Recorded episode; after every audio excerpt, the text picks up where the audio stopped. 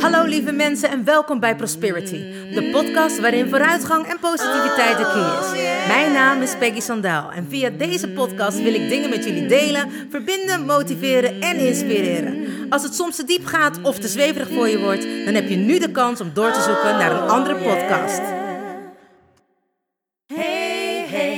You still there? Do you want to listen or just don't care? I'm singing my song and talking my talk. Talk away your feeling and walk my walk. my I'm here to share, connect and give. All I got, I call it God's gift. So listen and learn and do what's good for you. I have no expectations, but I share, care and give my love to you. Hey, wat super! Je bent er nog. Nou, welkom gelijkgestemde. Ik heb er zin in. Let's go! Oh yeah. Lieve mensen, het is alweer woensdag en wat gaat de tijd snel. De dagen gaan echt super snel voorbij. En ik hoor mezelf dit zeggen en ik denk ineens aan mijn moeder. Mijn moeder zei het altijd en dan keek ik haar aan en dacht ik... Vrouw, waar heb je het over? De dagen gaan snel. De week kan niet snel genoeg voorbij gaan dat het weer weekend is. Maar ik vind het echt mega snel gaan allemaal. En ik dacht altijd, dat is een oude mensentik. Maar nou ja, ik wil mezelf nog niet heel oud noemen, maar ik begin er nu ook echt, aan te geloven. En het is hetzelfde als dat je klein was en mensen zeiden, zo wat ben je groot geworden? En dan dacht ik, ja gek hè, kinderen kunnen echt groeien. Maar ja, wat ze zeggen, time flies when you're having fun. En dat is echt zo. Wanneer je in een goede flow zit of wanneer je lekker in je vel zit en je bent zwaar in de ontwikkeling en je maakt enorme stappen, ben je letterlijk niet te stoppen en gaat de tijd ook echt heel snel. Zit je niet zo lekker in je vel, ja, dan is dat echt wel anders. Dan gaat het ook blijkbaar niet helemaal zo goed met je. En dan, dan lijkt het ook altijd wel of dat alles trager gaat. Wat dan echt verschrikkelijk is natuurlijk. Zeker wanneer je niet lekker in je vel zit. En ik heb dus echt het gevoel ook dat de tijd gewoon niet te stoppen is. Don't get me wrong, ik heb echt niet alleen maar afschat dit jaar. Ik bedoel, ik heb jullie helemaal meegenomen in mijn reis. Met mijn uh, knie en met mijn rug. En daar wil ik natuurlijk niet alleen maar over praten. Maar toen had ik ook echt wel momenten dat ik dacht: kak, ik voel me echt kut. En dan waren die dagen echt heel lang. En, uh, en nou ja, ik moet je zeggen dat het nu allemaal veel beter gaat. En dat is ook heel mooi. Hè? Ze zeggen ook: uh, tijd is eigenlijk echt iets heel aards. Dat is eigenlijk, ja, in het licht, althans zo heb ik het geleerd, in het licht kennen ze geen tijd. Dus bij wijze van onze vier jaar is daar misschien maar twee seconden of zo. Dus wij kunnen dan denken, hé, wat duurt het lang? Hè? Of dat we een keer, eens een keer iets van iemand horen die uh, over is gegaan, het licht in is gegaan. Maar ja, zij denken, nou, ik ben nog even lekker bezig. Daarom zeg ik ook altijd, wanneer mensen een medium reading bij mij willen doen, laat er ongeveer zes weken overheen gaan. Nou ja, minimaal zes weken. Ik denk altijd later iets langer overheen gaan. Geef ze ook even de tijd om daar te acclimatiseren. Maar ik begrijp heel goed wanneer mensen dat niet kunnen. Dan zijn ze na zes weken, laten we er zeven weken van maken, zeker welkom om een medium reading te doen. En wat ik net al zei, tijd is heel aards. En alle mensen die mij kennen, en vooral mijn vrienden, weten dat ik niet aan tijd doe. Dus ja, soms ben ik al gewoon met mijn hoofd in het licht. Hè? Loop ik met mijn hoofd in de wolken. Want dan hebben we bijvoorbeeld om uh, tien uur afgesproken. En ja, ik kan er echt niks aan doen. Ik ga echt op tijd mijn bed uit. Ik douche me, mediteer. Voordat ik, ik, ik ben echt helemaal klaar. En dan, ja, is het toch ineens elf uur of half elf dan voordat ik bij ze ben. Nou, eerder half elf. Zij zullen nu vast met z'n allen hardop zeggen, eerder 11 uur. Ik heb ook zware dyscalculie. Dus vergeef me mensen als ik te laat kom. Ik kan het gewoon niet zo goed inschatten. Laten we het daarop houden. goed, alle gekheid op een stokje. En over tijd gesproken, ik was vandaag bij uh, een osteopaat. En uh, het was de eerste keer dat ik bij deze osteopaat was. Want nou ja, de, degene waar ik altijd ben, die uh, was heel erg druk. En de andere die ik dan heb, die was weer te ver weg in mijn drukke schema. Eh, en nu moest ik naar Middle Harness toe. Dat was ook eigenlijk bijna net zo ver als degene die dan, waar ik dan daarna altijd naartoe ga. En het was heel leuk om weer eens een keer bij iemand anders te zijn, omdat hij dan toch een heel ander beeld van jouw lichaam heeft. Althans, hij kent jouw lichaam nog niet, dus die gaat super secuur weer te werk met jou. Weer helemaal van het begin af aan. Dus echt ja, als je voor het eerst iets ziet, dan ga je dat ook helemaal opnieuw ontdekken. En dat was net zoals met mijn lichaam. Nou ja, alles zat vast weer in mijn, in mijn ruggenwervel en uh, blijkbaar staan mijn bekken nog steeds gekanteld, waardoor het allemaal niet zo opschiet. En toen zei hij. Um, hoeveel pijn heb je van een schaal van 1 tot 10? En toen zei ik, nou ja, in mijn, in mijn, in mijn hele lichaam. Ik zeg, ja, mijn hele lichaam valt wel mee, maar mijn rug, ja, het, het wordt nu gewoon irritant, zei ik. En hij zegt, ja, als je dan een cijfer aan moet geven. En dat is zo grappig. Ik vind het zo moeilijk om een cijfer te geven. Want door het werk wat ik doe, heb ik geleerd emoties te kunnen uitschakelen. Nou ja, Hè, vroeger zei ik, emoties, daar was we overheen. Maar pijn is een emotie. Die kun je onderdrukken. Die kun je, als je je mindset anders zet, kun je die zo ver weghalen dat je gewoon kan functioneren. Nou ja, ik kan nu niet helemaal gewoon functioneren. Daar heb ik wel soms, uh, daar gebruik ik nog steeds mijn krukken ervoor. Maar ik functioneer weer wel. En het was het mooie dat hij zei, ehm, maar pijn geeft iets aan. Als je daar niet naar luistert, dan kun je ook niet herstellen. En je kan wel de hele tijd doorgaan, maar misschien moet je je lichaam eens de tijd geven om te kunnen herstellen. En toen hoorde ik ineens dat liedje. Time, it's on your side. Yes, it is. En toen dacht ik: oké, oké, I get it. Ik dacht dat ik al goed voor mijn lichaam zorgde. En ik dacht ook echt dat ik niet druk was, maar nog steeds ben ik blijkbaar te druk. Nou ja, ik moet het op een andere manier. Ik, ik ben gewoon heel slecht om rustig aan te doen. Ik vind het gewoon te leuk om te werken. Ik vind mijn werk echt te gek. Ik vind het zo leuk om met mensen te werken, mensen in hun kracht te zetten en ze weer blij te maken. Ja, ik vind het dan zonde van mijn tijd om thuis te zitten. Ik krijg er gewoon een heel goed gevoel van om andere mensen te helpen. En het mooie was natuurlijk dat mijn man zei: Nou, dat is dan toch grappig dat mensen in een witte jas uh, jou deze wijsheid kunnen bijbrengen. Zei ik: Misschien moet jij dan vaker een witte jas aantrekken. ik wou iets heel dirty-minded zeggen. Maar goed, daar gaan we, dat ga ik niet doen, mensen. Sorry. Dirty mind is a joy forever. Vergeef me. Um, wat ik dus wilde zeggen is dat ik het niet rustig aan ga doen op de manier waarop ik het doe, maar dat ik gewoon meer mijn rust ga nemen. Dus eigenlijk komt het er weer op neer: de balans. De balans in het leven. Ik heb de momenten dat ik zeg maar niet werk, dan ben ik echt een soort van spons om me helemaal vol te zuigen met allerlei ja, te gekke uh, dingen, projecten, uh, dingen om te leren, mezelf te ontwikkelen, zodat ik de mensen in mijn praktijk weer verder kan helpen om weer nog beter in hun kracht te komen staan. Ik heb uh, afgelopen week heb ik echt een heel mooi leiderschaps, um, leiderschapstraining gezien. En ik heb het daar al vaker over gehad. Ben je een leider of ben je een volger? Je bent de leider van je eigen leven. Dus neem ook die verantwoordelijkheid. Het leuke was dat een van de sprekers Steve Harvey was. En die kende ik alleen maar als komiek. En normaal zijn komieken natuurlijk superleuke mensen. En dat is hij ook. Maar ik wilde eigenlijk zeggen, hetzelfde als met clownen. Uh, die zijn altijd blij, die gieren, brullen, lachen. Maar die hebben altijd een heel zwaar of heftig leven gehad. En het mooie was dat Steve Harvey daar ook iets over ging vertellen. Hè? Over uh, zijn leiderschap, of zijn leiderschap, zijn, ja, zijn verantwoordelijkheid nemen voor, voor zijn leven. En ik heb het al vaker benoemd. Je komt, waar ik in geloof, is dat je hè, in het licht kiest voor wat jouw pad is op aarde. Wat jouw lessen mogen zijn in dit leven. En je komt naar beneden met een doel. Nou, sommige mensen niet. Die hebben er bewust voor gekozen om gewoon een lang levende lol leven te hebben op aarde. Dus dat ze lekker in La La Land kunnen leven. Die willen ook vaak niks weten over spiritualiteit of uh, hè, bewustzijnsverhogingen. Helemaal niets. Want zodra je bewustzijn verhoogd is, kun je niet meer terug.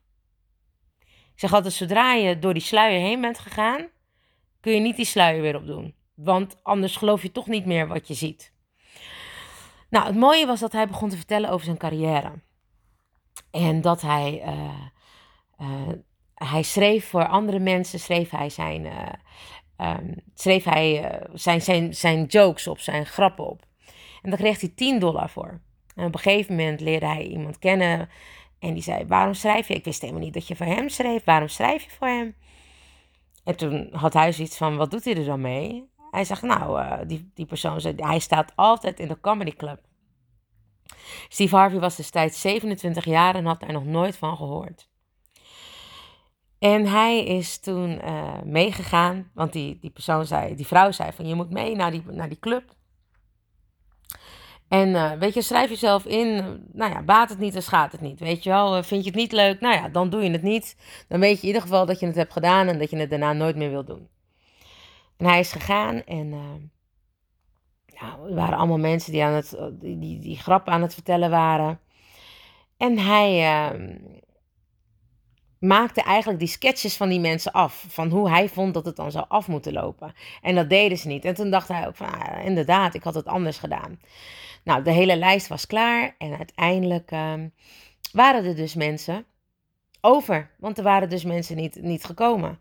En toen zei die uh, host van die avond, die zei, uh, nou, we gaan uh, met, de, met de volgende ronde door met de mensen die eigenlijk volgende week zouden zijn. Maar misschien zitten die mensen in de zaal. Nou, als je in de zaal zit, dan kom naar het, naar het podium.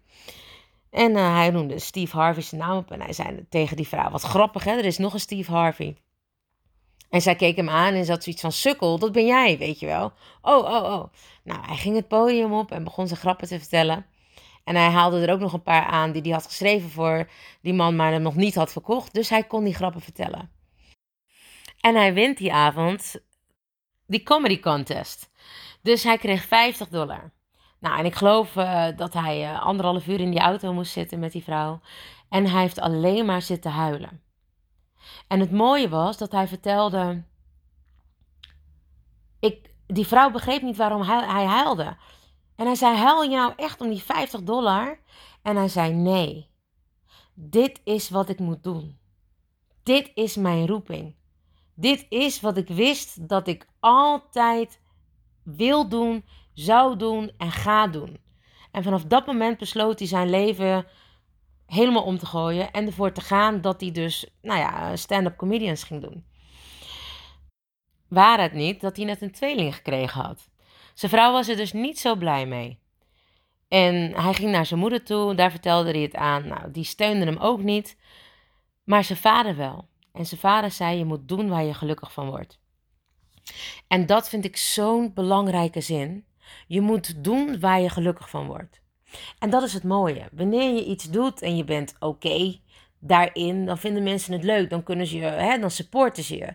Dan vinden ze je goed. Dan zijn ze blij dat je iets goeds kan. Maar wanneer jij zegt, ik wil daar mijn beroep van maken. Dan zegt ze, ja joh, dat moet je niet doen. Dat, er valt vast geen geld in te verdienen. Of dat is heel veel werken voor heel weinig geld. En zou je het nou wel echt doen? Waarom ga je niet echt iets studeren? Allemaal dat soort opmerkingen. En ik zeg dit omdat ik dit ook voor mijn hoofd heb gekregen. En misschien niet zo heftig als Steve Harvey, maar wel in die mate. Mijn ouders geloofden ook niet dat ik met het artiestenleven heel veel geld zou kunnen verdienen. Ze waren bang dat ik het niet zou redden. Niet omdat ze niet geloofden in mijn skills, maar omdat ze geen idee hadden hoe die wereld eigenlijk in elkaar zat. En eerlijk gezegd, ik ook niet. Maar ik wist net zoals Steve Harvey, vanaf dat ik twee jaar was, dat ik beroemd wilde worden. Nou, ik heb wel vaker gezegd, wat is beroemd zijn? Hè? Ik bedoel, laat ik het zo zeggen, dat ik wilde zingen, dansen en acteren. Dat ik gelukkig wilde zijn. En andere mensen datzelfde geluk wilden laten voelen wanneer zij mij zouden zien of horen als ik aan het optreden was. En ik kan nog steeds het op de dag van vandaag niet uitleggen wat het is. Het is zo. Althans, ik kan jullie het uitleggen, maar ik kan jullie niet het gevoel misschien meegeven. Maar ik ga het proberen. Wanneer ik op toneel sta en zing, dan is de wereld zoveel mooier. dan lijkt het of dat ik iedereen kan betoveren en aanraken met mijn stem. En dat ik bij iedereen voel, zie, hoor of weet wat er even niet goed is. En wanneer ik die mensen aankijk, ik hun mijn vreugde, mijn onvoorwaardelijke liefde en mijn het komt goed aan ze geef. En als ik het zeg, word ik er bijna emotioneel van. Omdat dit echt, dit zit zo diep. Je wordt gewoon geboren met een gave, die heb je meegekregen van bovenaf. En sommige mensen kunnen daar niet bij. Sommige mensen durven die gave niet aan te raken. Of er zijn zelfs mensen die zeggen: Ik heb geen idee wat ik wil worden. Of ik weet niet wat ik echt leuk vind. Ik kan het me niet voorstellen, want ik heb het nog nooit meegemaakt. Zelfs nu, hè? Nu we in deze crisis zitten. Dus nu we eigenlijk weer in het moment zitten van dat we mogen ontwikkelen. Pakte ik weer iets waar ik heel erg blij van word. Wat ik super leuk vind om te doen. Mensen terugzetten in hun kracht. Het licht weer in ze terugbrengen. En dat is ook wat mijn zielendoel is. Ik mag het licht verspreiden via mijn stem. Daarom vind ik het ook zo fijn als mensen reageren op de podcast en ze zeggen: Oh, je hebt zo'n fijne stem. En dat hoor ik nu steeds vaker terug. Ook als ik weer een nieuw nummer heb geschreven en ik stuur het dan op naar uh, het management in, in Engeland. Nou ja, dan hè, vaak neem ik het zo even op mijn telefoon op. Nou, dan krijg ik niet altijd de meeste fijne complimenten. Het is soms ook even slikken en weer doorgaan, zeg maar. Maar ik hoor dan ook, wanneer ik het wel heb ingezongen in de studio, en dat is dan toch altijd hè, meer in balans, zeg maar, wanneer de balans ook weer hierin daar is, dan hoor ik hem echt zeggen dat hij wilt, dat hij wenst dat mijn stem de hele wereld over gaat. Dan zegt hij echt, jouw stem moet de hele wereld over. En daar word ik dan zo blij van, want dat is echt wat ik al vanaf dat ik jongs af aan ben, zeg dat ik wil. Dat ik mag zingen, dansen, acteren, neem het. Maar dat ik mensen blij mag maken door middel van mijn stem. Want dat lijkt dan een soort van verlenging van mij. Dat ik bij mensen hun wereld dan weer even een stukje mooier en fijner mag maken. In ieder geval zolang als mijn nummer dan duurt. En wie weet wat ze er daarna nog aan hebben. Of wanneer mensen bij mij in de praktijk komen, dat ze dan weer blij en lachend naar huis gaan. Of in ieder geval een stuk opgeluchter. Lichter, zoals ze dat vaak zeggen. Nou, hoe mooi is dat? Als mijn roeping is het licht verspreiden via mijn stem. En dat mensen dan letterlijk zeggen: Oh, ik voel me echt weer een stuk lichter. Nou, mooier kan je het niet krijgen, toch? De keerzijde ervan is wanneer jij weet wat je wilt doen. En wanneer je niet gewoon heel erg goed in iets wil zijn, maar wanneer je echt significant wil zijn, dus dat je echt iets wil betekenen, outstanding, ja, is toch anders vind ik dan significant, is dat mensen dan ineens kritiek op je hebben. wie denk jij wel niet dat je bent, dat je dit kan? Of oh ja joh, denk jij echt dat mensen naar jou willen luisteren? Jij? Kun jij dat dan? Kun jij met mensen werken en ze terug in hun kracht zetten? Weet je zeker dat je dit wil gaan doen? Ik zou toch kijken of dat je iets kan doen wat minder zweverig is, waar mensen wel in geloven. Ja, ik vind het leuk hoor wat jij doet, maar ik betaal liever voor een echt consult. Bij een echte psycholoog of psychiater. Of ja, ik vind dit nogal zweverig. Ja, ik weet niet zo goed. Uh, ja, ik vind, het, ik, ik vind het allemaal vaag. Als ik mensen dan precies uitleg wat ik doe, zeg ik: Vind je het nog steeds vaag of vind je het gewoon eng? Vaak vinden ze het gewoon niet zo interessant of is het niet hun manier van werken. Wat natuurlijk helemaal prima is. Maar het aparte vind ik dan, waarom moet je zoveel kritiek geven op iemand anders? Het is hetzelfde wanneer mensen, en dat zei Steve Harvey ook zo mooi. Wanneer je iets doet, hè, wanneer je een bekend persoon bent of wanneer je, zoals we in Nederland zeggen, met je kop boven het maaiveld uitkomt, hebben mensen altijd kritiek. Wanneer je iets opneemt op YouTube en je zet het erop omdat jij wil dat andere mensen er ook van kunnen genieten, omdat jij er zo van geniet, wat je hebt gedaan of hè, waar je goed in bent, zijn er altijd mensen die je afzeiken. Altijd mensen die op die dislike-button drukken. In plaats gewoon op een like. Omdat iemand de moeite heeft genomen om dat te doen. En misschien, bedoelt, tuurlijk, je hebt echt het recht om dingen slecht of goed te vinden. Maar wat is slecht en wat is goed? Het is natuurlijk maar jouw perspectief. Wat mag? Maar waarom moet jij als iemand ergens moeite in stopt? Zijn passie, zijn liefde, zijn identiteit of zijn missie. Waarom zijn er dan mensen die dat zo nodig moeten afzeiken? Het mooie wat Steve Harvey daarover zei is dat het altijd mensen zijn die jou niet kennen. En mensen die veilig achter een computer zitten of hè, ergens anders zitten. Het zijn nooit mensen die naar jou toe komen en zeggen: Jezus, ben jij slecht zeg? Of Jezus, ben jij een kutwijf? Of erger wat de mensen doen met het woord kaasgelden op iemand die ze niet kennen. Want wat hij zei, vond ik zo goed eraan. Wanneer mensen jou echt kennen, zouden ze die lelijke dingen allemaal niet zeggen. Want dan pas weten ze wat voor mooi persoon jij bent. En waar je voor staat. En wat jij wilt bereiken. En waarom jij juist dat filmpje, dat verslag, die blog, whatever gepost hebt. Ik heb echt een tijdje geleden alweer een, uh, een, een sketch opgenomen over, over daten tijdens corona. En de, de regisseur van dat stuk, die had per ongeluk het naar, of niet per ongeluk, die had het naar Dumpert gestuurd. Hij wist, had geen idee wat Dumpert voor site was. En ja, sorry, maar ik zeg vaak Stumpert, omdat daar echt mensen zitten uh, die alleen maar dingen kunnen afzeiken. Vroeger was ik daar echt gevoelig voor. En waarom? Nou ja, had ik zelf ook nog uh, genoeg flaws en loves die uh, niet goed waren. Of althans, niet goed waar, waar ik nog aan moest werken.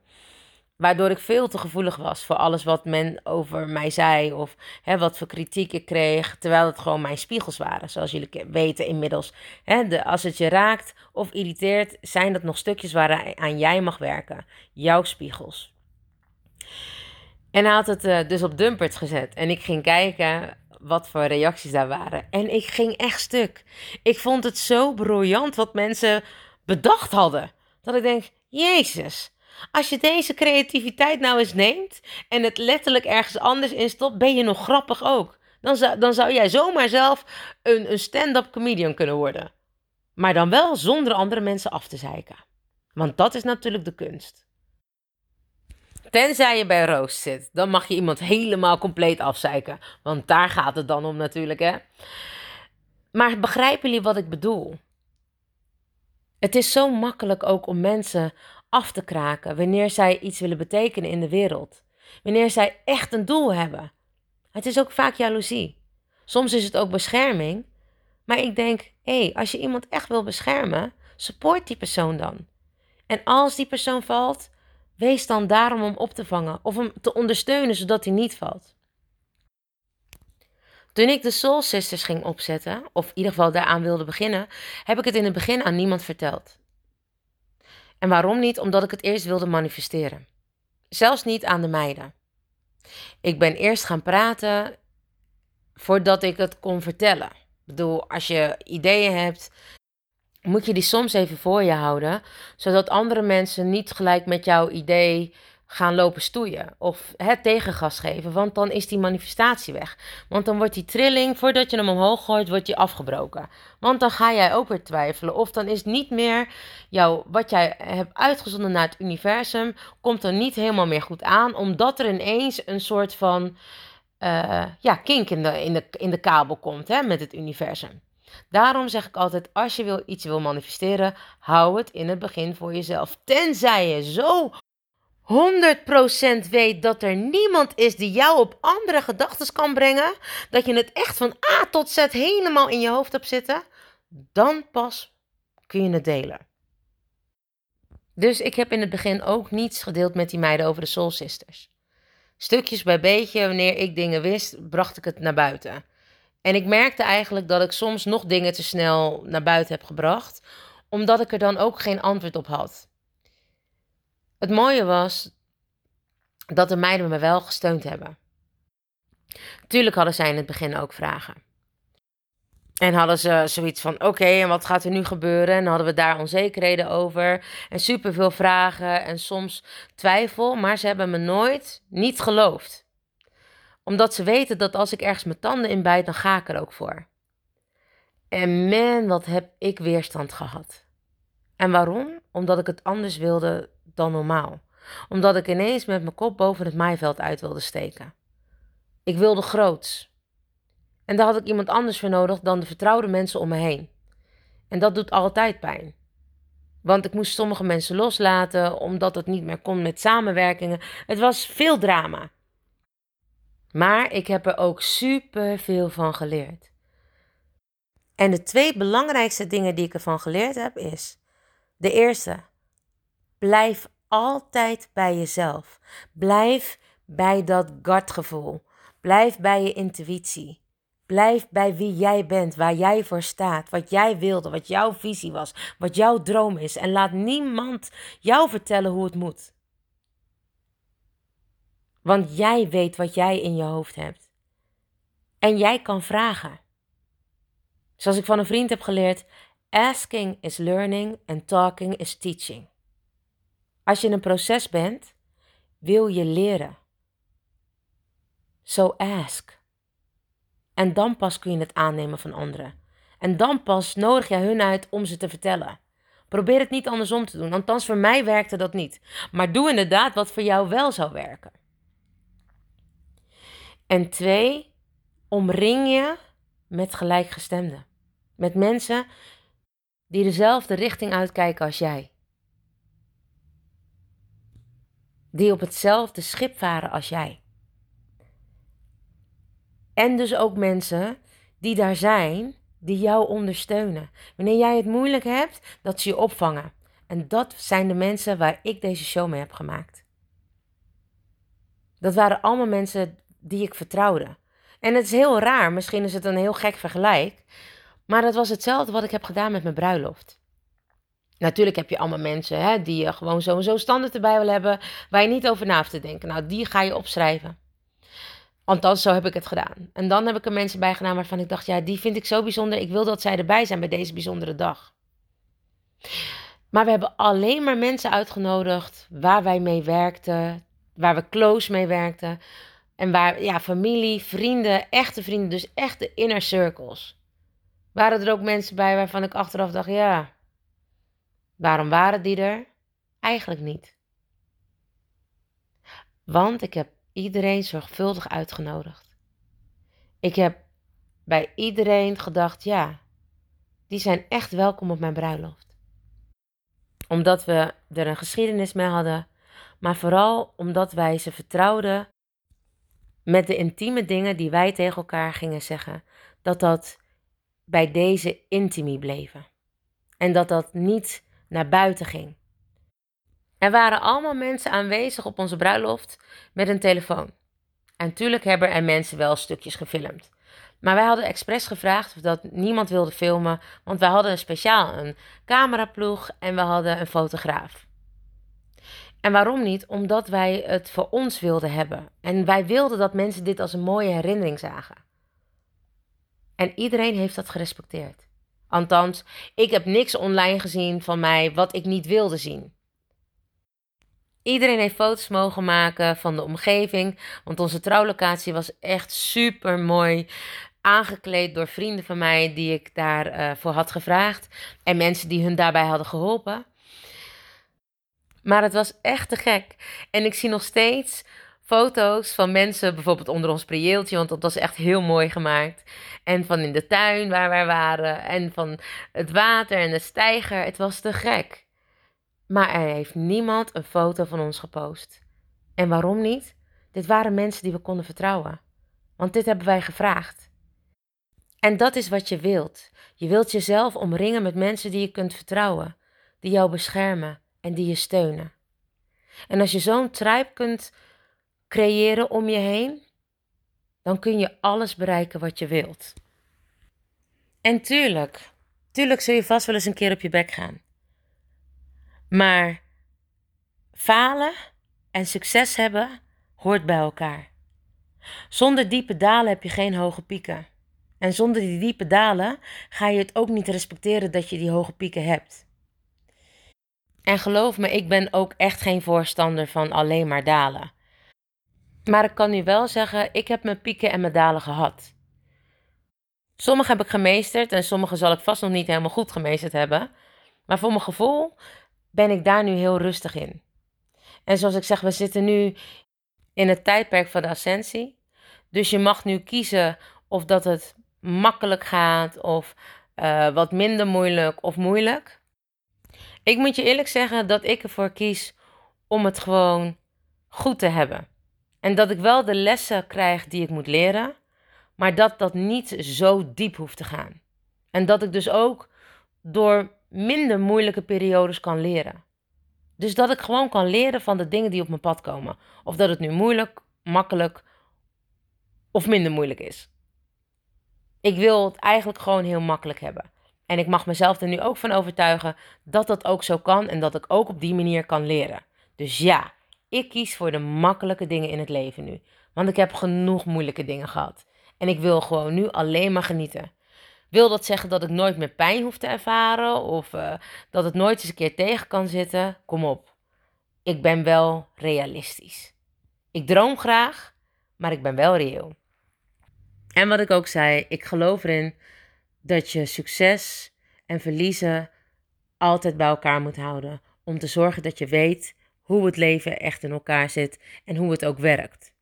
Dat wil niet zeggen dat het dus niet makkelijk mag. Maar goed, het leven is hoe het leven is en we gaan zien hoe het gaat lopen.